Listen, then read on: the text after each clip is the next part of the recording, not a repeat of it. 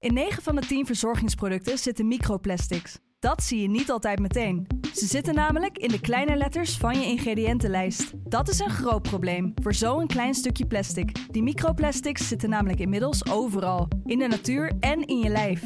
Gelukkig zijn er ook merken die gewoon microplasticvrij zijn. Want dat het anders kan, dat weten we bij Weleda, Lekker Company, Marcel's Green Soap, Naïef, Smaal en Witlof wel. Dus check de kleine letters. Die hebben de grootste impact.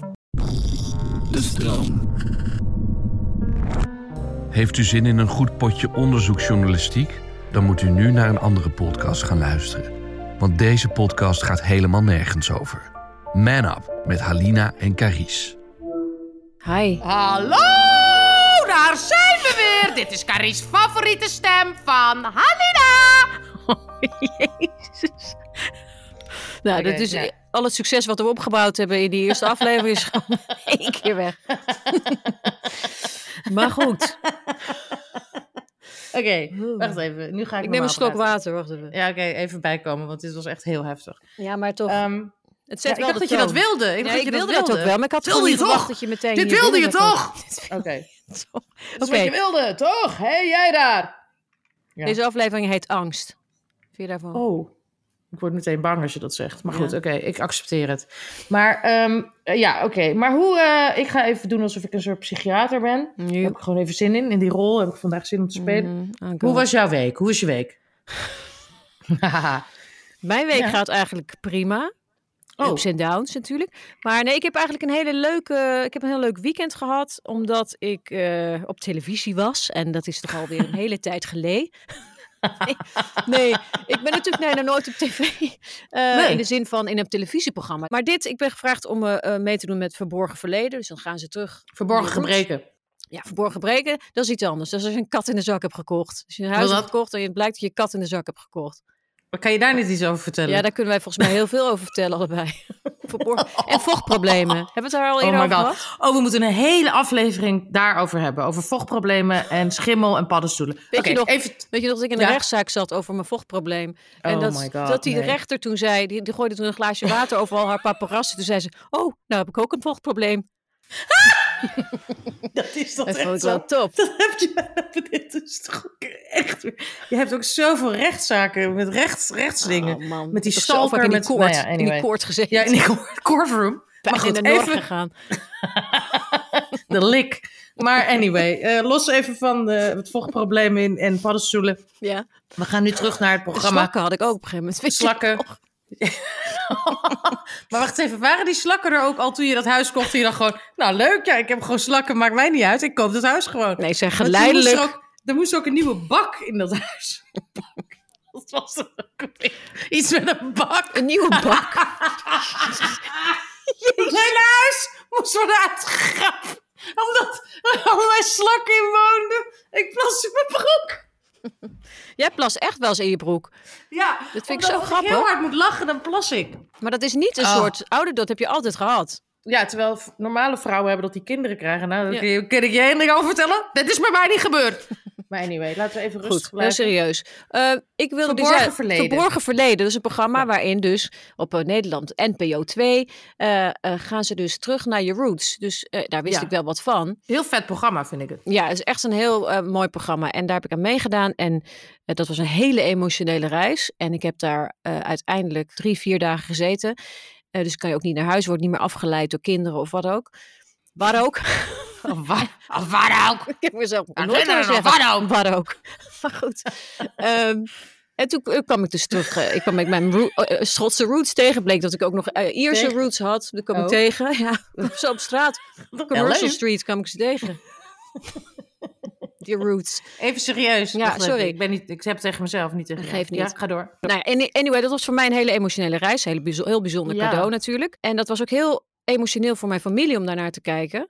Maar vooral Oh, ja. omdat mijn vader natuurlijk overleden is en omdat dit mijn vaders lijn was. Dus ik, ja, mijn vader was gewoon de hele tijd bij me in, dat op, in het opnemen van, die, van dat programma. En uiteindelijk, eh na alle informatie die ik kreeg, hadden ze mij in een katholiek kerkje neergezet.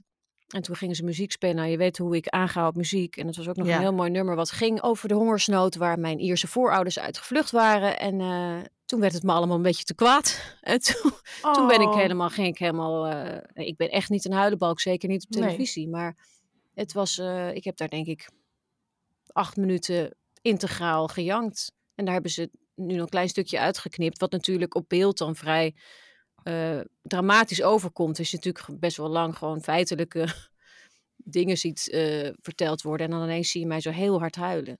Even voor de, voor, de, voor de duidelijkheid. Ik heb hem nog niet gekeken. Ik heb heel veel Mhm. zin om, om hem te gaan zien. Maar dan moet ik weer met een VPN-adres. Waar ik dan, nou, dan bereik ik alweer, heb ik al zeven Stuur je wel een, een, een, een, een kopie, een floppy. Stuur me even een. VHS-band. Een VHS-band of een floppy. Blu-ray, hou je van Blu-ray?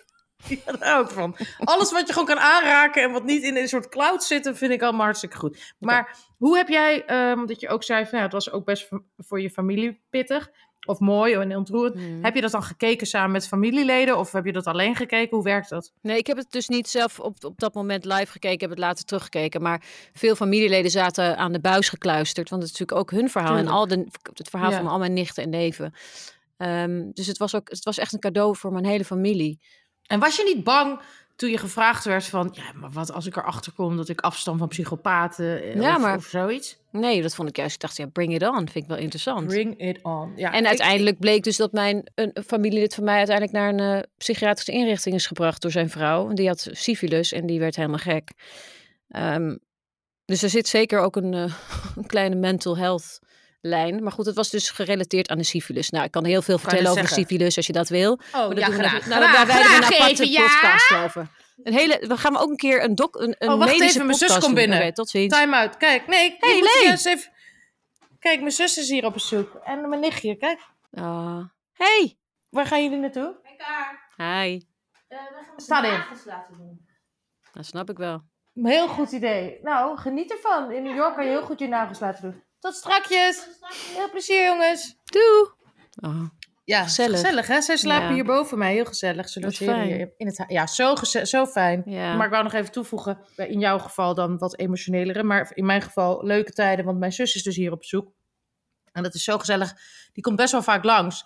En dat vind ik dan zo leuk. En gisteren zijn we naar het Vrijheidsbeeld gegaan. Ik, dat is ook heel eh, gezellig als je dus toeristische dingen kan doen. Als je bezoekers hebt, toch? Ja, ik vind dat echt niks leukers op een bootje gaan.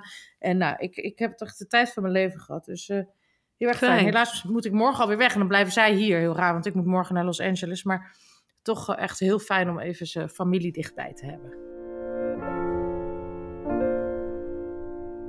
En dan ben ik heel benieuwd, Cadiz. Hmm. Heb jij nog een huishoudelijke tip voor mij? Want ik nou, zit je weet, het huishouden is natuurlijk iets wat eh, mij erg bezighoudt. Ja. Ehm nou, het is niet een huishoudelijke tip als wel. Ja, het is wel een huishoudelijke tip. En het, maar het is niet voor iedereen eh, misschien eh, even belangrijk. Maar ik ben een enorm theedrinker, zoals je weet. Ik, ik drink geen koffie. En ehm, ik dacht altijd, ik drink namelijk ook heel specifieke thee, hele Engelse thee. Dus het thee moet eerst heel zwart zijn. Dan moet er honing in. En dan moest er nog melk bij. Hoe Ja, vaak ja. ik met car in een café, slash God. restaurant, slash horecagelegenheid ben geweest... waarin we ongeveer een uur bezig zijn met deze bestelling. Want niemand begrijpt het ook. Dus het is melk, honing, koude melk, sterke thee... Dubbele En dan zakjes. is het verkeerd en dan wordt het gesprek weer onderbroken. Het is, het is echt... Ik zou graag willen dat je een soort bord om je nek hangt... Met die, waar die bestelling op staat. of zodat gewoon een dus ander drankje kiest. Ja, maar ik snap wel. Ik snap echt wel waarom je het wil. Want het is Cafeïne. voor, cafeïne zit erin, maar ook en een heel klein pepje met die honing. Ik snap, ik snap het wel. Maar En goed, die mijn, mijn hele ding is dus... Nou ik heb veel met... Mijn tips hebben veel te maken met structuur, hè? Met, eh, met de emulsies. Oh, oh. Ook die kaas natuurlijk. En Oh ja, die in, kaas. dit is nu ook... Ik heb nu net geleerd, ges- gelezen... God, ik weet niet of het fake nieuws was. Maar ik ga er even vanuit dat het een betrouwbare bron was...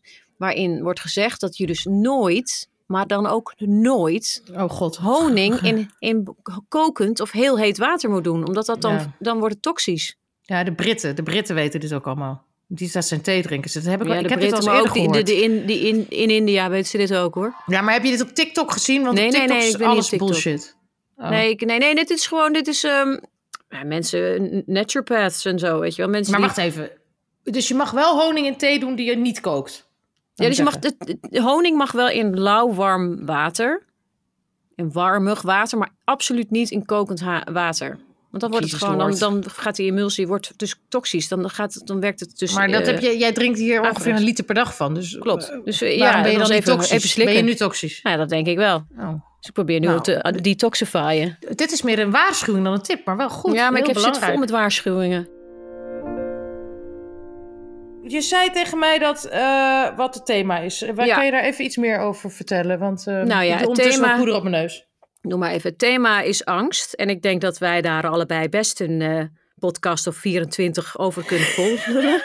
Ehm, en ik dacht, laten we maar beginnen bij het begin. Ik weet toevallig van jou, toevallig ken je een beetje. Als ik zeg, als ik zeg de Eiffeltoren of bellen, dat zijn, vind ik twee grote angsten van jou. Ja, echt heel heftig. Dan heb ik het even puur over instant angst. Ja, echt fobische tafereelen. Dus bijvoorbeeld hoogte hebben we het dan eigenlijk over. Toen- Ja, Ja. de Eiffeltoren vind ik wel echt een summum. Daar zijn we samen op geweest. Omdat dat zo... ehm, wat ik me herinner... Ik weet niet of jij dat nog herinnert. Waren we samen in Parijs. Maar Ja. dat het zo gammel voelt voor mij. Het, het was zo niet... Snap je? Ik bedoel, ik ben ook wel eens in... eh, weet ik veel, Chicago of Toronto... in zo'n hele hoge toren geweest. Maar dan ga je gewoon een grote lift naar boven. En dan voelt het wat meer eh, zekerder. Maar zo, eh, bijvoorbeeld de Eiffeltoren, maar ook de Brooklyn Bridge met die houten latten waar je dan Mm. overheen moet fietsen. Dat je denkt, ja, er is niks tussen mij. Er is alleen een houten latje tussen mij en die, die, die, die kolkende rivier daar onder mij. En, en, en als, je, als je het hebt over vertigo, hè, of het echt met het officiële, de officiële, ehm, nee, wat is het? Een, een ziekte? Nee, het is geen ziekte. Het is een, Ja, een, me- een, een mentale conditie. een Eh, geestes, een ja. conditie, ja, inderdaad. Ja, Kan je dan indenken van, eh, eh, eh, je staat op die Eiffeltoren, ik wil er vanaf? Of is het, is het, word, je de, word je wiebelig? ja, ook wel die zuigende kracht. ehm, eh, maar ik word echt duizelig, ja. Dus ik, ik heb het met name met bruggen heel sterk later in mijn leven ontwikkeld. Dus dat kan zelfs, hoeft niet eens een hele hoge brug te zijn. Bruggen vind ik echt, echt de hel.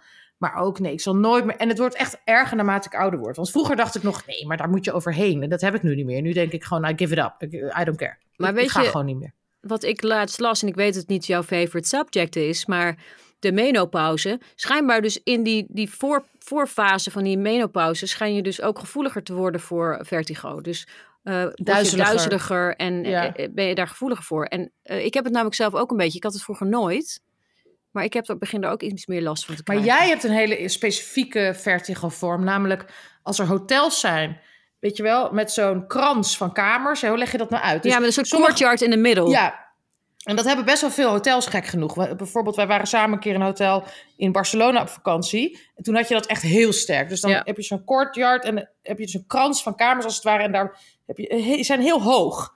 En dan wil jij daar echt niet slapen. Nee, maar Ehm, dat overviel me dus toen. Want ik wist helemaal niet dat Ja. ik dat had. En ik weet dat ik in mijn kamer lag. En ik dacht, ik moet daar overheen springen. Niet ik, ik, niet ik wilde dood, maar ik moet... Ik, ik voel een soort van dwang om daar overheen te springen. En toen heb ik mezelf... dacht ik, ik ga mezelf opsluiten in die kamer. Maar ja, dat gaat natuurlijk niet. Want ik, als ik mezelf op kan sluiten, kan ik mezelf ook... kan ik de deur ook openmaken. Dus toen heb ik uiteindelijk een soort van hysterisch eh, naar de golven gekeken eh, voor, door het raam. En daardoor ben ik uiteindelijk rustig geworden. Maar dat overviel me heel erg. Ik wist helemaal niet dat ik die angsten had. Maar hebben wij toen een andere kamer voor jou gevonden, is mijn Ja, vraag. Ja, ja oh, zeker. goed, gelukkig. Ja. Ehm, maar ja, nee, maar dat is die dwanggedachten die voortkomen uit die fobieën, die zijn echt verschrikkelijk. Ja. Waardoor je het ook niet meer. Eh, onze een therapeut waar we ook gezamenlijk eh, eh, bij hebben gezeten een tijdje, die zei altijd van je moet dus al die angsten weather, want we gaan zo meteen een hele lijst opnoemen. Ik kan, ik kan echt, ik heb wel 700.000 angsten. Maar zij zei bijvoorbeeld over, ik kan ook paniek hebben in bijvoorbeeld situaties waarin ik niet weg kan. Dus ik stel je voor, je staat op het toneel. En ik, ik- inmiddels ben ik erachter dat heel veel mensen met, eh, met een beroep in de publieke ruimte dat hebben. Maar of live op tv, of weet ik veel, je moet in de Tweede Kamer een debat doen voor het oog van de hele natie. Het idee dat je niet weg kan. Dus bij mij komt dat dan als ik op het toneel sta. En ik moet bijvoorbeeld heel lang stilstaan op één plek. Op een hele stille scène. Ik zeg maar Mhm. iets, weet je wel. Dat je niet kan het wegbewegen. En dan zei onze therapeut altijd: je moet doen alsof het een kermisattractie is. Hè, als je die paniekaanval voelt opkomen. En die kermisattractie gaat steeds harder, harder, harder. Maar die komt ook weer tot, tot rust. Dus je weet dat het als het ware als een golf door je heen komt. En dan wordt het weer rustig. En dat heeft Ja. mij toen een tijd lang wel heel erg geholpen. Dus in plaats van dat je er tegen gaat vechten, laat je het gewoon opkomen. Als een soort weeën die je krijgt. En je, laat, en je weet van, oké, het gebeurt, het gebeurt. Ik ga nu zweten. Ik denk nu dat ik flauw ga vallen. Ik denk nu dat ik de coulissen in ga rennen. Of ik denk dat ik ga schelden. Of ik denk dat ik eh, iemand uit het publiek eh, ga vermoorden. Ja. Ehm, en dan komt dat ook lang maar langzaam. Dan kijk je eigenlijk naar je eigen gedachten. Maar dat is natuurlijk de hele metafoor van wat je in je hele leven zou moeten doen. En in zo'n panieksituatie doe je dat dan in, op, een snellere manier misschien. Maar in principe is dat natuurlijk de manier waar je met het hele leven, waarop je het hele leven mee om moet gaan. Ja, maar dat is natuurlijk het allermoeilijkste wat er bestaat, toch? Ja. Om je niet te identificeren met wat je denkt of wat je ervaart. Maar je zei belangst. Heb Ja, jij dat heb jij toch? belangst? Ja, ja, dat heb ik heel erg. Maar daar was ik nog niet op ingegaan. Maar heb jij dat niet? Ik heb het helemaal niet. Ik vind het heerlijk om te bellen. En ik ben helemaal nee, niet ik zo haat kletser, maar ik, ik, ik kan niet tegen de. Ik heb het idee dat ik dan meer, niet controle, maar dan kan ik toch beter horen, voelen waar iemand is. Ik vind via apps en e-mails communiceren, dan ga ik er toch te veel inlezen of te veel projecteren. Of eh, ik heb liever het directe contact uiteindelijk dan toch. Ja, nee, ik snap het helemaal. Ik, ik ben het ook helemaal met je eens. Want er is natuurlijk een mega gevaar in die eh, eh, tijd waarin we leven met tekstmessages en WhatsApps en al die mogelijkheden hè, om te communiceren. Dat je inderdaad, eh, dat er van alles verloren gaat. Alleen, ja, ik, ik, als mijn telefoon gaat, ik neem gewoon letterlijk nooit op. Alleen maar bepaal, er zijn ja, dingen die ik gewoon niet kan negeren. Bijvoorbeeld, weet ik het, mijn agent zo, of zo nu, die kan ik echt niet negeren. Maar die negeer ik het liefst ook. Ik neem gewoon het liefst nooit op. Terwijl ik vind als wij bellen, zoals we nu, is dit eigenlijk, zo zie ik dit eigenlijk ook als een soort Zoom-gesprek. Dat vind ik het wel heel leuk. En ik heb, ik heb wel echt een paar mensen in mijn leven, eh, met name vrienden, met wie ik het leuk vind om te bellen. Maar alles wat met zaken te maken heeft, of ook maar gelinkt is aan werk, wil ik eigenlijk gewoon niet opnemen. Dus het, dat is, snap je? Dus mijn zussen neem ik natuurlijk wel op en mijn vriendinnen en mijn vrienden. Maar werkgerelateerde dingen, maar dat kan, dat weet jij, want we hebben natuurlijk dat bedrijf samen. Kan echt het kleinste telefoontje zijn en ik raak, ja, ik wil gewoon niet. Wat is dat, hè? Ik snap het ook niet. Ik haat Nou, bellen ik vind, ik vind het niet zo gek. Ik snap het wel. Ik ken jou natuurlijk ook langer dan vandaag. Maar ik, vind zelf, ik ben zelf te lui om een e-mail op te stellen. Dat vind ik een gedoe, om dan goede woorden te kiezen. Tenzij ik echt een hele moeilijke boodschap aan iemand moet overbrengen. hè. Ik bedoel, ik ben zelf helemaal geen... ehm, ehm, Confrontatie zoeken. Nee, totaal natuurlijk niet. Dus moeilijke gesprekken ga ik ook uit de weg. Maar ik denk dan altijd, het is sneller gebeurd als ik het gewoon, als ik het gewoon bespreek. En dan heb ik het even over hele zakelijke dingen die zonder emotie eigenlijk zijn. Dan, nou ja, dan het op te schrijven. Ik zo gedoe, joh. Nee, dat is ook zo. En jij hebt sowieso gelijk, want ehm, dat is gewoon beter. Maar ik heb bijvoorbeeld bij Instinct, weet ik nog, toen had ik de voice message uitgevonden. En bij onze film. en ik heb die film half ge, eh, zeg maar, geproduceerd en georganiseerd met voice messages. Wat heel irritant is voor andere mensen. Want Ja. voice messages zijn één, is één richting verkeer. Ja. Dus dan lul ik gewoon een hele voice message vol. Dit, dat, dit moet er gebeuren. Dat, dit, vergeet niet dat. En dan heb je dat al gecheckt. Dan kijk ik, oké, bye. En, maar wa- wa- want wat is mijn anxiety? Ik heb een soort social anxiety. Dus het feit dat ik dan geconfronteerd word met iemand anders moed, met iemand anders stem, met iemand, dat vind ik dan blijkbaar. Eh, nogmaals, alle angsten zijn natuurlijk totaal irreëel en belachelijk. Maar hè, ik, ben even heel open over wat ik dan voel. Het komt bij mij te hard binnen. Snap je wat ik bedoel? Ik vind Mhm. dat invasive, iemand die belt. En ik las laatst ergens dat bellen, dat dat ook in, over een paar jaar, omdat dus alles zo makkelijk kan met tekstmessages en zo. En dit is natuurlijk een hele slechte ontwikkeling. Maar gaat bellen, dat wordt ook, gaat ook gezien worden als iets onbeleefds. Ba- Snap je? Omdat het Ja, zo in your space is. Ja. Maar eigenlijk is dat natuurlijk heel jammer, want ik bedoel, voordat de telefoon uitgevonden werd, eh, zagen we elkaar, weet je wel. En dat, dat is, wordt nu ook al veel minder. Nou ja, anyway. Aan de andere kant ben ik ook heel dankbaar voor techniek. Want alleen al het feit wat wij nu doen, dat had ook nooit gekund. Snap je? Zonder eh, eh, Zoom en weet ik veel wat voor Riverside verbindingen er allemaal zijn. dus ik ben ook hartstikke blij met techniek. Fijn. Dat is ook wel eens leuk om te horen voor de Ja. techniek. Maar laten we ook nog even over jouw angsten verder praten. Want weet je nog met Zwartboek, Ja. de film Zwartboek... eh, toen moest jij, wat was dat nou? Jij moest ja, dus ik een moest vis. een vis fileren. Ik moest een vis. Kijk, ik heb dat willen daten de, de, de mensen misschien niet of wel, weet ik Nee. niet. Ik heb natuurlijk best wel affiniteit met dieren. Alleen, ik, ik, ik, ik heb toch ook een Maar deze angst. dieren waren dood, toch? Deze vis was toch dood? Deze vis was dood. Nee, die was zeker dood. En, eh, maar daar gaat het me ook niet zo echt om. Het is, ik heb gewoon een hele rare kinderlijke angst met dingen aanraken. Het is ook een beetje, ik kan ook een klein beetje smetvrees hebben misschien, maar ik vind iets wat ik niet goed ken. Ik ben gewoon echt een tuthola. Ik, vind, ik ben gewoon een, een... Ik ben, ondanks dat ik in de natuur ben opgevoed... Ja, het enige dier waar ik me ge- gemakkelijk mee voel is een hond. En verder vind ik het eigenlijk allemaal een beetje eng. En dan, Een wesp. ja, ik, je weet hoe ik met wespen ben. Het wordt allemaal net iets minder, maar... Nee, ik, ik- muizen is verschrikkelijk voor mij. Ehm, Ja. eh, Duiven. opgezette dieren. Duiven. Ik ben hele... hele Ben je ook bang voor opgezette dieren? Dan kan je niet naar Ramzi Nasser. Want die is een hele huis staat vol met opgezette dieren. Daar kan je echt niet, daar moet je niet Ja, naartoe dat gaan. spreekt me dus niet aan. Ik, ik vind het. Ik, nou ja, op zich, ik vind het niet erg om er langs te lopen, maar ik hoef er echt niet eentje op te pakken. Snap je? Het idee dat Nee. mijn kind een hamster wil, daar krijg ik dan wel pa- paniek van. Ik denk, moet ik dat dier dan een keer pakken met die kleine. eh. En Eh, wat, is, en wat als je eronder gaat, als je eronder, erin kijkt in die angst, wat denk je dat er aan ten grondslag ligt? Is het een soort ja, controle ding? ja, het is natuurlijk een controle en het, de- het onverwachte. Dus een, een muis, daar kan ik geen, commu- geen communicatie mee hebben. Die luistert niet naar mij. nou, Ik heb één keer zo hard gegild dat die muis. Toen woon ik nog een boven Ruk en Pluk in Amsterdam. mooi. mooi dat detail. café. En ehm, Mhm. toen was ik, dan zag ik een muis. Toen heb ik zo hard gegild dat die muis zo, zo een hartaanval kreeg. Dus toen Nee. bleef gewoon staan en die viel gewoon om. Ik zweer het je. Je hebt iemand gedood met je angst, wel vet.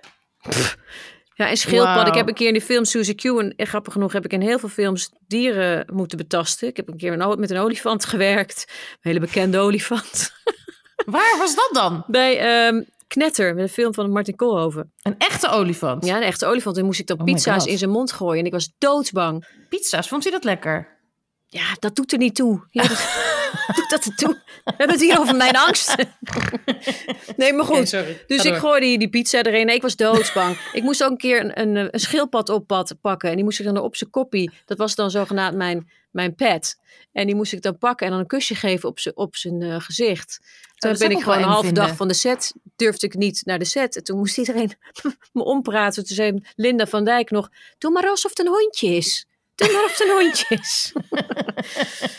dus ik, ik ben, het is best wel, eh, best wel extreem geweest. Ook die duiven, joh. Ik durfde gewoon de dam niet over. Nee, nee. Ik weet nog in Parijs, toen we dus... Mijn angst was de Eiffeltoren. Maar jouw angst was die duiven die daar beneden zaten bij die Eiffeltoren. Maar jij, bent niet zo bang, jij was toen niet zo bang voor hoogte, toch? Toen wij die Eiffeltoren Nee, helemaal opgingen. niet. Nee, toen voelde ik, Nee. voelde ik me nog cool. Dacht ik, nee, ik heb dat niet. Ja, Ehm, en ik, ik durf bijvoorbeeld ook de ziplinen. Bijvoorbeeld. Ik noem maar even wat is iets. dat? Dat, dat je maar aan zo'n touw zit en dan zip. Dan ga je. mag- ja, als een soort even. van. Hold your horses. Ja. Jij bent, wanneer heb je die activiteit ontplooid? Om te Dat gaan heb, ik een keer dat heb ik een keer gedaan Wat? in Italië op vakantie. Jij En zit toen- zo vol geheimen voor mij. Weet je dat? Wat- Ja, je bent soms heel mysterieus. En ik, wat is dit nou weer voor verhaal? Oké, ik ga door. Ja, oké. In Italië was je op vakantie. Ja, toen dus dacht ik ik, heb ga me toen ergens aangelijnd met een, met een stalen kabel. En dan ga je, loop je zo, je houdt je handen boven aan een stalen kabel vast. En je loopt op een stalen kabel. Je zit natuurlijk wel vast, maar je loopt wel over een ravijn. Oh, dat vind ik echt stoer van jou. En maar dat vind ik dan bijvoorbeeld niet eng. Maar Super stoer. vraag mij een, een, een, een speech te doen op mijn oma's verjaardag, dan ga ik dood. Ja, precies. Want dat is ook heel leuk om over te praten. Natuurlijk onze angsten wat betreft dat. Want eh, ik denk dat we dat allebei wel hebben, maar jij hebt het iets extremer dan ik. Dus je hebt een, natuurlijk een beroep waarvan je denkt... Jij, als er nou iemand in het publiek leuk dingen kan zeggen, ben jij het. Want je bent actrice, je bent beroemd en je doet toneel, je doet film.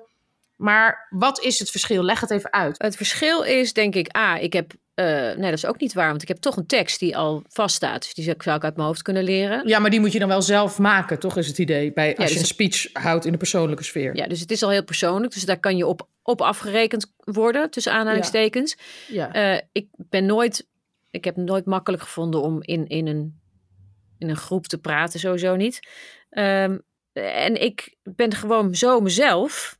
Ik kan me nergens achter verschuilen. En dat vind ik gewoon heel eng. Ja, en dat heb je dus als je speelt wel, want dan speel je whatever voor personage en dan ben je dus wat relaxer, denk je. Ja, dus ik kan wel in carré staan en een liedje zingen in mijn eentje. In een, in een rol. Maar waarom? Want dan ben je altijd een rol. Kan je ook een liedje zingen, laat maar zeggen, zonder dat het een personage is? Dus oh, je moet nu een liedje zingen van, ik zeg maar iets, Elton John. Ik weet ook niet waarom ik daar nu op kom, maar Nice one. dat Ja. is geen rol. Maar je, durf je dat ook? Ja, zou ik misschien. Dat vind ik al enger. Vind ik al enger. Maar dat durf ik al wel beter. Maar echt een. Ook, eh, eh, ehm, je, zet- je hebt ook mensen die heel erg spontaan kunnen speechen. Die gewoon zeggen van. ehm, ja, die gewoon een verhaal beginnen. Nou, nachtmerrie. Ja, dat vind ik heel eng. Maar dat durf, jij, Ja. durf jij wel iets beter dan ik. Ja, ik, ik denk wat ik dan doe als ik moet speechen, is dat ik het zie als een rol. Snap je? Dus dat ik. Maar ik weet nog dat ik moest toch een speech doen op eh, bijvoorbeeld Instinct Première. Ja. Eh, in Utrecht vond ik ook dood. Toen ging Ja, ik, ja, ik en dan ga ik altijd op blote voeten, weet je nog, omdat ik altijd bang ben om flauw te vallen. Dan moet ik mezelf. Het klinkt zo alsof ik een gekke hippie ben, maar ik ben dus heel bang als ik op hakken. Ehm, als mezelf een speech moet houden, dan ben ik al. Ik ben altijd duizelig als ik als mezelf een speech moet houden. Dus op blote voeten. Maar dat doe ik dan omdat ik denk, ja, het moet gewoon. Ik kan niet nu me verschuilen achter dat ik dit niet durf. En ik heb ook wel eens gesproken op begrafenissen of op eh, huwelijken en dat soort dingen. Maar ik ga wel. Ik, ik, wat ik ook heel moeilijk vind eraan is dat heel veel mensen verwachten, omdat het je beroep is, dat je ook heel ludiek en leuk en ontroerend Mm. en mooi dat gaat doen. Dus er zit ook een soort druk op. Maar dat hele idee dat wij dus, dat mensen zeggen: hé, hey, dan is toch leuk voor jou als jij dan de, lekker een toespraak kan houden, dan zit je helemaal in je element. ik denk dat wij dan echt denken: van waar heb je het over? Want het is de hel. Maar heb jij bijvoorbeeld ook, als je het, een spel doet zoals, eh, even terugkomen op jouw film Bodies, Bodies, Bodies. lichamen, lichaam, lichamen. Dat, lichamen, lichamen, lichamen. Ehm, mooi werk trouwens. Ehm, Thanks. eh, eh, nee, mijn vraag aan jou is dus... eh, wacht even, ik heb even een gehoor, gehoorgeluid. Wacht, ge- gehoorprobleem. Oh, wacht Wat even. hoor je dan? Ja, ik weet het niet meer. joh. Stemmen. Ik hoor Stemmen. Nee, ehm Killer! dat hoor ik nu. Nee. Oké, nou. Ja, maar dat is Nee, ehm, nee ehm, wat wilde ik vertellen? Er zit een hele erge snurk in mijn lach vandaag. Heb je dat Ja, door? maar weet je... Oké, nou, let it be. Let bygones be bygones. Nou, Wie dan leeft, wie dan zorgt. Eh, even kijken. ik moet altijd zo denken als wij zoveel moeten lachen, want dit doen we dus ook in het echt, dat wij echt een soort Ger en Goor, Ja. ik zeg Ger en Goor, ja, van het Nederlands toneel zijn, maar ik, ik ben echt fan van Ger en Goor. Ik had laatst wel- een- eh, Ja, Gordon een bericht gestuurd via Instagram. vet. Ja, ik wou hem een hartje sturen, maar ik had per ongeluk een gebroken hart naar hem gestuurd. Waarop hij echt zoiets had van, wat bedoel je? Mixed signals, mixed signals. Wat? Anyway. Sorry, Nee, ik wil aan jou vragen, dus het, het spel Bodies, Bodies, Bodies. De, dus dat, dat een beetje gebaseerd is op het, eh, het weerwolf of, of, of het moordenaartje. Klopt. Als jij dat spel speelt, ik weet niet hoe vaak je dat hebt gedaan, maar toch wel ook een aantal keer, denk ik. Eh, dat hebben wij zelf ook wel samen wel eens, denk ik, gedaan. Als je dan Klopt. die kaart trekt van die moordenaar, lul jij er nou uit? Vind je dat fijn? Sommige mensen vinden het dus dan heel leuk om die moordenaar te zijn. Ik vind dat echt vreselijk. Bij mij zie je het meteen. Dat moordenaartje moet ik wel zeggen, dat is wel een spannend spel om te spelen. Vond ik echt met, met jou erbij en al. Maar ik ben net zoals jij. Ik denk dat wij daarin helemaal op elkaar lijken. De verwachting van het trekken van dat loodje. Of hoe noem je? Loodje. Ja. Dat loodje wat je dan trekt. Moordenaar erop. Nee, die verwachting die daar dan op staat. En zeker die groep waar wij het dan, waar ik het wel eens in met jou heb gespeeld. Dat waren dan al die jongens, die vrienden van ons, van mij. Die, daar ben ik gewoon ook bang voor. Want die spelen dat heel fanatiek. En dan, ik, ik, ik, nee, ik, raak, ik ben heel zenuwachtig over al dat soort dingen. Alle dingen waarin je een soort van in een groep. Daarom zou ik ook nooit mee willen doen aan Wie is de Mol. A, omdat ik de spelregels niet begrijp. Nee, daar ik heb ik dus niks van. Nee, ik heb er een niks van. A-logisch brein. Heb jij dat ook? Ik kan dus niet. Ik kan dus ook niet bijvoorbeeld. Ik heb één keer meegespeeld in een thriller. Flikken. Flik, flikken. Flikkenbaas terecht misschien? Ja, de thriller. Zeg maar wat Ja. hoor. Ja. Nee, maar dat, dat was toch een film van. Nou, dat was dan een thriller. Ik begreep het hele script niet. Ik heb gewoon tijd op neutraal gezet mijn hoofd. Zo. Ik begreep helemaal niet waar het Nee, over ging, joh. bij Game of Thrones begreep ik dat natuurlijk ook niet eigenlijk. Nee, die puzzels, dat snap ik niet. Ook niet de meest simpele puzzels, denk ik. Ja, ik snap. Ik bedoel puzzels in de zin van scriptpuzzels. Ja, En dat heb ik bij Moordenaartje dus ook. Dan ben ik dus bang dat ik het niet begrijp, dat jullie het allemaal wel begrijpen. En dat ik fouten maak waardoor ik het verpest. ja Snap je ja, wat ik bedoel? Dat heb ik hè, hele. Jezus. Jezus. Is voer voor psychologen. is someone. Voer voor psychologen! Oké, wacht even. Dat is echt voer voor psychologen. Die stem. Maar Ja. jij hebt gezegd, vorige keer heb je Ja, die stem weet ik wel, maar je neemt het nu iets te serieus, vind ik. Ik heb echt vannacht in mijn bed, toen ik wakker werd, dacht ik, ik moet die stem voor haar doen, anders Kijk, wordt dit ze is boos. weer die pleaser in jou. Ja, maar die zit zo diep in mij, die Ja, krijg je er niet meer uit, joh. Hé, hey, maar weet je wat ik nog wilde vertellen ook? Misschien vinden dat leuk mensen het leuk te weten. Ik was dus vroeger heel bang ook voor de dood. Ik sliep dus met een medische encyclopedie, als we het hebben over hypochondrie. Ik liep, liep, sliep met een medische encyclopedie naast mijn bed. Eh, echt als kind. En eh, ja, omdat ik heel veel dode mensen heb gezien als kind. Ja, dus niet... ja, heel veel oud-tantes, buurvrouwen, moeders van buurvrouwen, oma's van buurvrouwen. Ik weet niet, en wij werden er allemaal mee meegesleept naar die funerals. En, Ja. en dus ik heb gewoon heel veel mensen in een kist gezien. En ik vond dat, dat heeft zoveel indruk op mij gemaakt, dat ik ehm, daardoor ook eigenlijk niet meer een kerk in durfde, omdat ik die geur van dat cederhout en van zo'n zo'n zo'n zo'n zo'n ton met zo'n, waar dan zo rook uitkomt, zo noem je dat, zo'n scepter. Ik weet niet waar je nu over praat. Jawel, zo'n ik ding vind het wel in, heel de- mooi. in de kerk, weet je wel, zo- zo'n man, Huh? zo'n priester die dan met, Oh. naar voren loopt met zo'n soort van, met een soort van, eh, ja, wat is het? Wierook. Tonnetje. Een, rook, een rookmachine. Ja.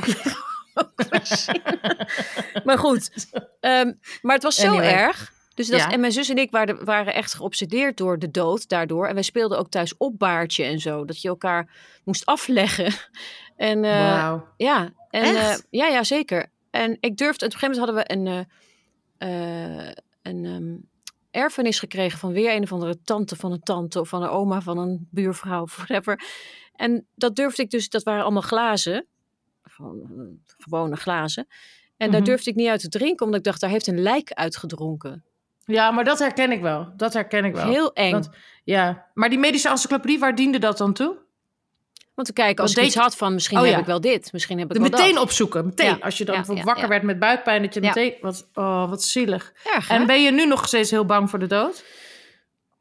Nou, het is niet per se mijn beste vriend, denk ik. Maar eh, ja, bang voor de dood. Ik zou, nee, ik zou meer bang voor het effect ervan op mijn kind. Dat meer. De, de dood zelf vind ik wat minder eng. Ook omdat ik mijn vader... Mijn vader had zo'n grote doodsangst. Eh, en toen ik uiteindelijk zag hoe die echt doodging... Toen dacht ik, Was oh, je dat daarbij? dat, ja, eh, ik- toen dacht ik, oh, als hij toch had geweten hoe, hoe vredig dit ging, dan had hij al die angst. Maar goed, mijn vader heeft zijn hele leven gedacht dat hij jong zou sterven, omdat dat bij zijn geboorte werd gezegd dat hij niet oud zou worden. Dus dat heeft hij zijn hele leven meegenomen, die angst. Ja. Ja, maar goed, jij hebt natuurlijk ook een. Dat wilde ik nog Ja. even vragen over je, over je vader die zo vroeg overleed. Ja, dus ik was, nou inderdaad, dus wat je net zei over die glazen die je geërfd had, waar je bang was dat er een soort lijk uit had gedronken. Ik herken wel dat natuurlijk is het sowieso natuurlijk een, een hele chockerende ervaring als je zo vroeg een ouder verliest. Ik was tien, eh, Leonora was twaalf, mijn oudere zus en mijn kleine zus was vijf. Eh, ja, dat was natuurlijk een gigantische aardschok, aardverschuiving, want het ging heel plotseling. Hij ging dood aan een longembolie, dus dan stik je eigenlijk in één keer. Maar eh, ik weet inderdaad nog dat toen was hij opgebaard bij ons thuis. En ik wilde die kamer niet in. Ik wilde niet naar dat eh, Hmm. lichaam kijken. Terwijl je zou denken dat je juist dat wel wil. Maar ik, ik was doodsbang. En toen weet ik nog dat een van die vrienden van mijn vader tegen mij zei... die zich een beetje over mij ontfermd had van... maar waar ben je bang voor? Toen zei ik, ja, dat hij gaat bewegen. En toen zei hij, Mm. maar dat is toch juist heel leuk? En toen werd ik ook heel rustig. Toen dacht ik, oh ja, eh, dat is juist heel leuk als hij gaat bewegen. Dus toen, en toen ik eenmaal het lichaam zag... toen eh, was het eigenlijk... ja, dan zie je dus natuurlijk ook echt dat iemand er niet meer is. En dat is, heeft, het is natuurlijk nog steeds heel, heel erg verdrietig en vreselijk... en onveilig en angstig. Maar en wat ik wel me herinner, ehm, is dat de, ook de banaliteit van al die dingen die daarmee te maken hebben. Zoals dat ik zag bijvoorbeeld, weet ik nog heel goed, dat zijn eh, mond was dichtgelijmd. En toen Ja, zag ik zo'n ja. lijmdraadje. Weet je wel, dat soort Ja. dingen zou ik nooit meer. Gewoon de, alle dingen, waar, nou ja, waar, waar, wat wij ook heel graag willen, natuurlijk. Nogmaals, en meestal in alle lichtheid, nu even in de zwaarte. Maar eh, al die dingen waar je niet over praat. Snap je? Al die dingen die je niet weet over. eh, wat, wat is dat dan als er echt een dood iemand en er moet zoveel. Dat, dat lijk moet natuurlijk eh, goed blijven, dus het moet bevroren en dat moet met ijsdingen en, Mhm. en nou ja, enzovoort. Dus dat soort herinneringen heb ik wel heel erg op mijn netvlies. Maar ik ben daarna eigenlijk gek genoeg juist niet bang voor de dood geworden. Nu weer meer. Maar heel, eh, tien jaar of zo daarna, 15, 20 jaar, was ik helemaal niet bang voor de dood. Omdat ik juist ook wel ergens dacht, prima, want dan ga ik naar hem toe. Heel Ja, raar. Ja. Ik heb dat nu veel meer. Dus sinds mijn veertigste eigenlijk ben ik veel angstiger geworden. Voor, ik ben altijd wel een hypochonder geweest. Maar dat had voor mij ook heel erg te maken met eh, toneel. Dus dat je 's ochtends wakker wordt en je denkt, ik heb toch geen keelontsteking. Weet je wel? Dat je Ja. zo helemaal in een overdrive Ja. gaat van die onvervangbaarheid. eh, dat je s'avonds op moet. Ja. Of naar de set moet. Van, ik kan nu niet misselijk zijn. Ik kan nu niet... in- Je bent niet Daar ben ik- vervangbaar. Ja, daar heb ik echt een tik van de molen aan overgehouden op alle fronten. Die, dat, die live eh, ervaring ook. Ja. Ehm, maar de dood vind ik nu weer dus veel enger. En was vroeger juist zo ontzettend een onderdeel van mijn leven. Als zo'n jong meisje. Die, dat ik het, ik, het voelde voor mij helemaal niet eng. Ik dacht prima, ja, laat maar komen. Ook een beetje natuurlijk, omdat dat zo verdrietig is. Dat je ergens ook wel naar je vader toe wil. Als je Ja. zo klein bent, denk je heel simpel. Denk je gewoon, nou ja, dan ga ik naar, toch vlieg ik toch naar hem. Of zo. Dus nu heb ik dat eh, veel minder. Nu denk ik echt van, eh, oh god, ouder worden. Oh god, eh, ik heb nog maar zoveel jaar. Ik, ik, ik heb wel dus last van doodsangst. Ja, zeker wel. Ik vind het een eng idee. En ik vind het heel fijn als jij dan bijvoorbeeld zegt dat jij jouw vader vredig hebt zien sterven. Dan krijg ik al meteen, voel ik een soort van warmte. Denk, oh, het kan ook gewoon heel rustig zijn natuurlijk. Ja. Het hoeft niet God- alleen maar horror God, te zijn. eh, Goddank de middelen ook, hè? Ik bedoel, hij werd natuurlijk gewoon in een ja. soort slaaf gebracht. En dat- honderd jaar geleden zag het er waarschijnlijk anders uit. Ja, precies. Nee, nee, exact. Nee, maar godzijdank dat we dat, dat we dat tot onze beschikking hebben. En zijn er nog meer angsten los? De dood is natuurlijk eigenlijk de ultieme angst. Hè? Dat is natuurlijk ook wat ons drijft, en voor iedereen hier op deze aarde. En de absurditeit van, van, van hier op aarde zijn. Maar heb jij nog meer angst, ja, gekke angsten, waarvan je echt denkt, hoe kom ik daar aan? Nou, zoals een angst voor bananen of zo. Want Ik, ik heb twee agenten die, die allebei angst voor bananen hebben. Echt een Dat fobie. bestaat, hè? Dat bestaat gewoon. Maar, wat, Dus maar je bedoelt ook in de presence zijn van een banaan. Ja, dus als ik al een beetje, als ik hem op tafel zou leggen, zeg ik, haal dat ding weg. Haal weg, haal weg. Ja, fascinerend. En ook maar je bedoel, ja, zo bizar. het zou redelijk voor Freudiaans zijn, zou, zou ik zeggen. Maar goed, ik weet het niet. Ik weet, ik weet, je weet het niet waar dat vandaan Je komt. kan letterlijk overal angsten voor hebben. En heb jij ook een beetje, want we praten er dus nu heel erg over. Ik heb ook wel een tijdje gehad dat ik het heel moeilijk vond om over angsten te praten. Omdat als mensen dus dan bijvoorbeeld tegen mij begonnen te praten over hun angsten, dan kreeg ik die ook. Ja, dat dus- snap ik. Bijvoorbeeld eh, een vriendin van ons die heeft kotsfobie. Die is heel bang om over te geven. Dus die kijkt bijvoorbeeld altijd honderd keer op de datum van een voedsel wat ze eet. Of als ze in een restaurant zit. En toen op een gegeven moment begon, dacht ik, oh, ik ben ook misselijk. Snap je? Ik kan Ja, heel snel... ik. Ja, dat, en dat haat ik dus. Ja, dat Dat je- niet fijn. Nee, dat, super empath. ja, wij zijn veel te grenzeloos. En je hebt natuurlijk ook je hersens zo goed getraind om zich in te leven in een ander. En dan, als, dus ik, ik weet nog wel heel goed dat ehm, toen ik eh, op de toneelschool zat, had ik heel erg last van die duizeligheid. Maar Ja. echt gekte. Ik, ik kon bijna niet, ik kon eigenlijk alleen of op de toneelschool zijn, dan ging het heel goed, of thuis. Maar de weg al naar de toneelschool lopen, supermarkten. Ik was echt letterlijk de hele tijd bang om flauw te vallen. En ik was ook heel veel flauw gevallen in mijn puberteit. Dus het was ook niet zo'n gekke angst. Maar ja, waarom is dat eigenlijk erg? Waarom is het is toch leuk als je flauw valt en iemand pakt je op? Maar ik, ik, was, vond het, ja, ik vond het gewoon zo'n gênant idee. Mm. Dus, en dat ben ik wel heel blij mee dat dat... Dat heb ik nu wel veel minder. Dat kwam een beetje terug toen ik naar New York verhuisde. Ik denk dat dat gewoon op elkaar lijkt. Zo van huis en haard verlaten Ja. naar Maastricht, naar de toneelacademie... of huis en haard verlaten naar New York.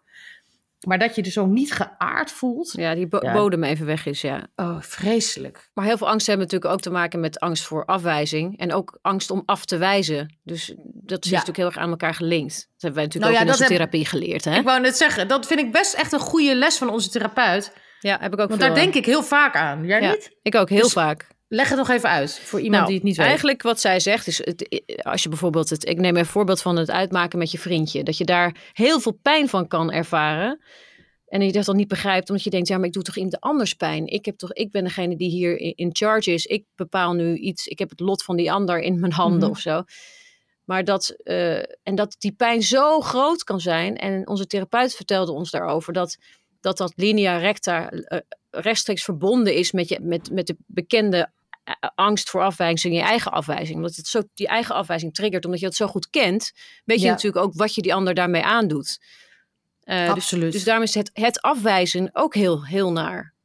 Ja, en, en dat kan dus ook in hele rare kleine dingen zitten. Wat wij ook eh, vaak hebben ervaren, toch, Kar. Dat in de hele grote dingen soms een relatie verbreken, maar ook eh, in zaken, weet je wel. Dat, je, dat wij echt tegen elkaar zeggen, eh, hoe oud zijn we nou? Dat je Ja. niet durft de confrontatie aan te gaan. Dat je het zo zielig vindt voor iemand. Je denkt, nee, maar we kunnen nu niet zeggen dat we liever een roze muur hebben. Want dat is zo zielig, want die man heeft hem net helemaal paars geverfd. Ja, Of eh, groter, weet ik veel, met bepaalde mensen in je team die je vertegenwoordigen, waar je gewoon voelt van dat werkt voor geen meter. Maar Ja. je durft gewoon niet die telefoon op te pakken en te zeggen: hé, hey, luister. Het gaat gewoon niet. En Nee. het is beter. En een man zou denken, ja, sorry, even heel generaliserend. Maar een man zou denken, ja, het functioneert niet. Daar heeft diegene toch ook niks aan. Ik beëindig het gewoon. En wij Ja. zitten alleen maar in, in de, het hoofd van, die, van diegene. nou, en ook gewoon op, op, op, op hoog niveau te schaken eigenlijk. Want dat soort gesprekken zijn dan een, een schaakspel wat je van tevoren probeert te voor te bereiden. En terwijl inderdaad een ander, misschien of een man wellicht, zegt ik, ik, eh, ik, ik neem gewoon die telefoon en ik zie wel waar, dat, dat- waar dit, eh, ik, ik zet me gewoon, mijn koning gewoon daar neer.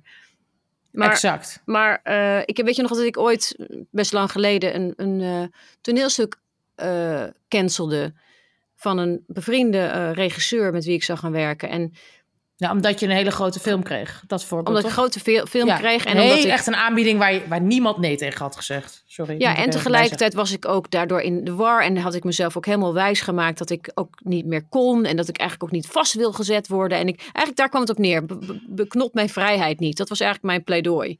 Absoluut. En, eh, maar dat moest ik zeggen tegen een man waar ik enorm tegen opkeek. Die ik enorm bewonderde. Bewonder nog steeds.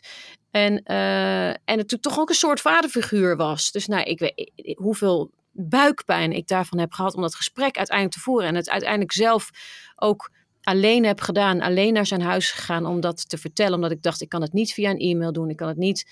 Ik moet dit aangaan. Maar dat heeft me zoveel eh stress gegeven. Ja, en ik denk dat dat echt voor ons allebei geldt. En voor, voor meer vrouwen ook in ons beroep trouwens. We hebben natuurlijk een paar van die iconische momenten met grote regisseurs meegemaakt. waarin we kozen voor onszelf.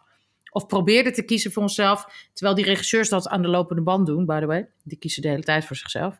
Maar als wij dat een keer probeerden, dat je met zo'n kracht werd tegengewerkt. En ik heb nog wel soms met terugwerkende kracht daar woede over. Dat ik echt denk, omdat ik toen ook zo voor mijn gevoel in, me, in, die, in die regisseurs verplaatste in plaats van in mezelf. Dus dat ik zo ver was afgedreven van mezelf dat ik ook echt dacht: nee, maar het is ook echt afschuwelijk wat ik vraag. Wat ik vraag, dat kan eigenlijk niet. Dus als ik erop terugkijk, denk ik: nou, dat was eigenlijk een hele redelijke vraag. Ja. Snap je? Dus, maar dat, eh, nogmaals, eh, laten we de hand in eigen boezem steken. Eh, dat soort figuren gaan natuurlijk gewoon, die hebben je nodig, denken ze. En dus gaan ze gewoon proberen je te behouden. Die denken, ja, dat is all fair game, denken zij. Weet je, zij denken gewoon, zo werkt het. Maar wij kunnen daar dan heel moeilijk tegenover stellen, onze fair game. Van, nou ja, goed, maar dan doe ik dit. Voor ons wordt Ja. dat heel emotioneel. Heel dat is ook het probleem. Terwijl Ja. zij misschien veel meer denken, het is gewoon een zakelijk spel. Ja, een afspraak is afspraak. Ja, en ook ik probeer gewoon voor me te behouden met alle middelen die ik heb. En als jij dat dan niet doet, moet jij met al jouw middelen proberen weg te komen. Ja. Maar voor ons voelt dat veel meer als iets zo diep persoonlijks. En dat heb ik wel steeds meer geleerd. Dat ik nu wel, daar worden we wel beter in. Dat je gewoon leert dat dat niet emotioneel is, niet persoonlijk is. En dat je je grenzen moet afbaken.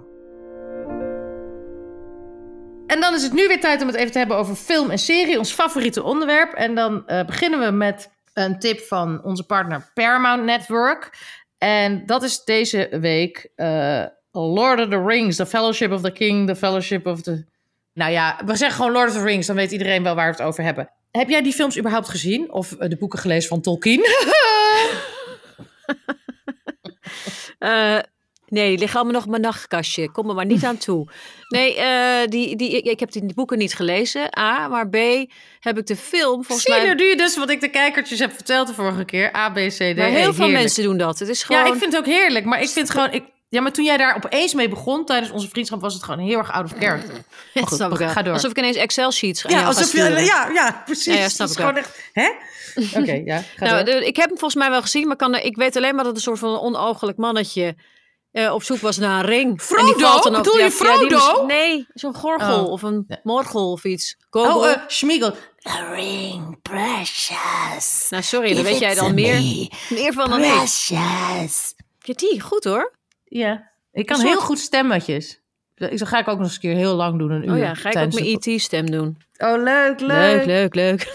Maar goed, Nee, anyway. maar goed, dus hij was ga je nu de hele een ring? verhaal vertellen? Nee, maar ik weet het. Nee, ik, ik zeg alleen maar wat ik er nog van op, wat ik er nog van op mijn Oh ja, netvlies heb staan, is een, is een beeld van, een, van dat onogelijke ventje. Die dan op zoek is naar een ring en die valt dan, die dondert dan in een, een, een gat met vuur. Spoiler alert! Spoiler alert! Dat hele verhaal. Oh, Als gaat het mensen daarover? daar ook zitten te wachten. Nee, wacht even. Ja, maar Ja, ook iemand heeft hele grote by now. voeten. Frodo-voeten. Hele grote voeten. Dat weet ik wel. Ze wonen in paddenstoelen. Nee, maar het is, het is gewoon zo'n grote, grootse, epische film. Altijd lekker, altijd genieten. Ga lekker kijken. De hele trilogie is te zien op woensdag en donderdag om half negen. Ik ben geobsedeerd door sectes, zoals je weet. Mhm. En ehm, eh, er zijn natuurlijk ontzettend veel topdocumentaires te, te bekijken, all over the place, eh, wat betreft sectes.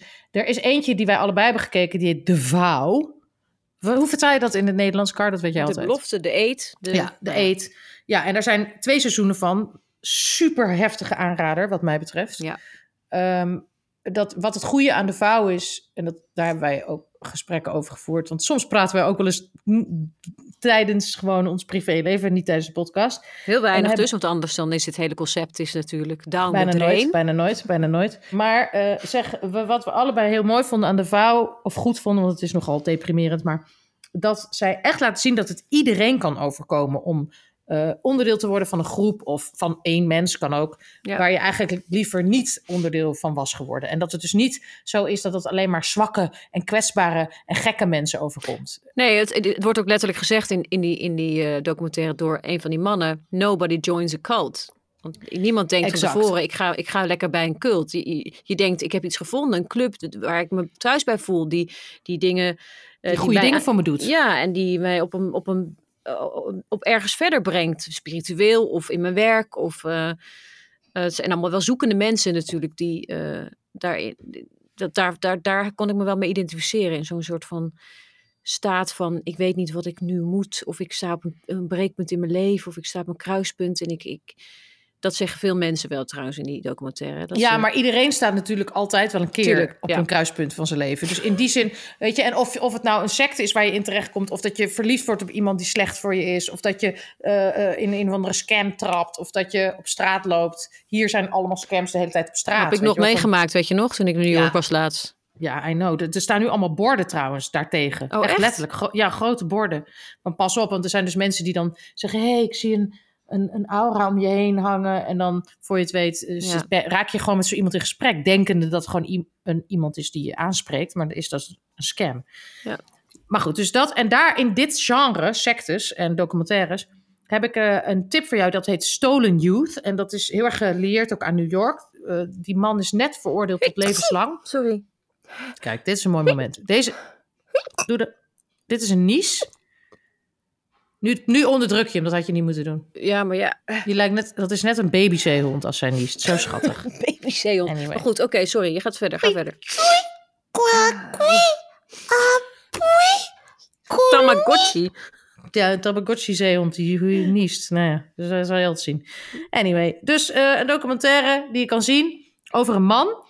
Die, eh, dus je hebt hier een van de colleges, eh, ergens buiten New York, eh, een universiteit, waar ze ook op de campus wonen, zoals dat hier vaak gaat. En de vader van een van die meisjes die in een huis woonde, die, ging, die kwam uit de gevangenis. En op de een manier had dat meisje al haar klasgenootjes, huisgenootjes overtuigd dat hij onterecht in de gevangenis had gezeten. En dat het een hele bijzondere man was. Ze zei, mag je hier even een paar nachtjes op de bank slapen? Want hij heeft nog even geen huis.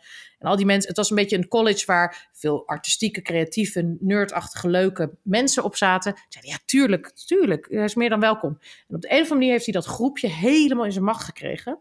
Dus ze zijn uiteindelijk met z'n allen in een appartement gaan, gaan wonen. En het is totaal op een vreselijke manier uit de hand Oh gelopen. Hij heeft dus nu levenslang, die man. En die Oh. document, en ze hebben alles gefilmd op hun iPhones. En die documentaire heet Stolen Youth. En het is echt, het is nog er heftiger dan de vouw. Dus ik zou, het is een enorme aanrader als je iets wil zien over menselijk gedrag en hoe, wat identiteit is en hoe beïnvloedbaar Mhm. iedereen is. En gruwelijk, maar heel interessant. Het, het was een, eh, het was een, eh, Hele middag. ja, want het heeft me opgelucht. Want ik vind het, het merk toch dat praten over angsten ook fijn is. Om, al ben ik ook bang om dan nog meer angsten te ontwikkelen.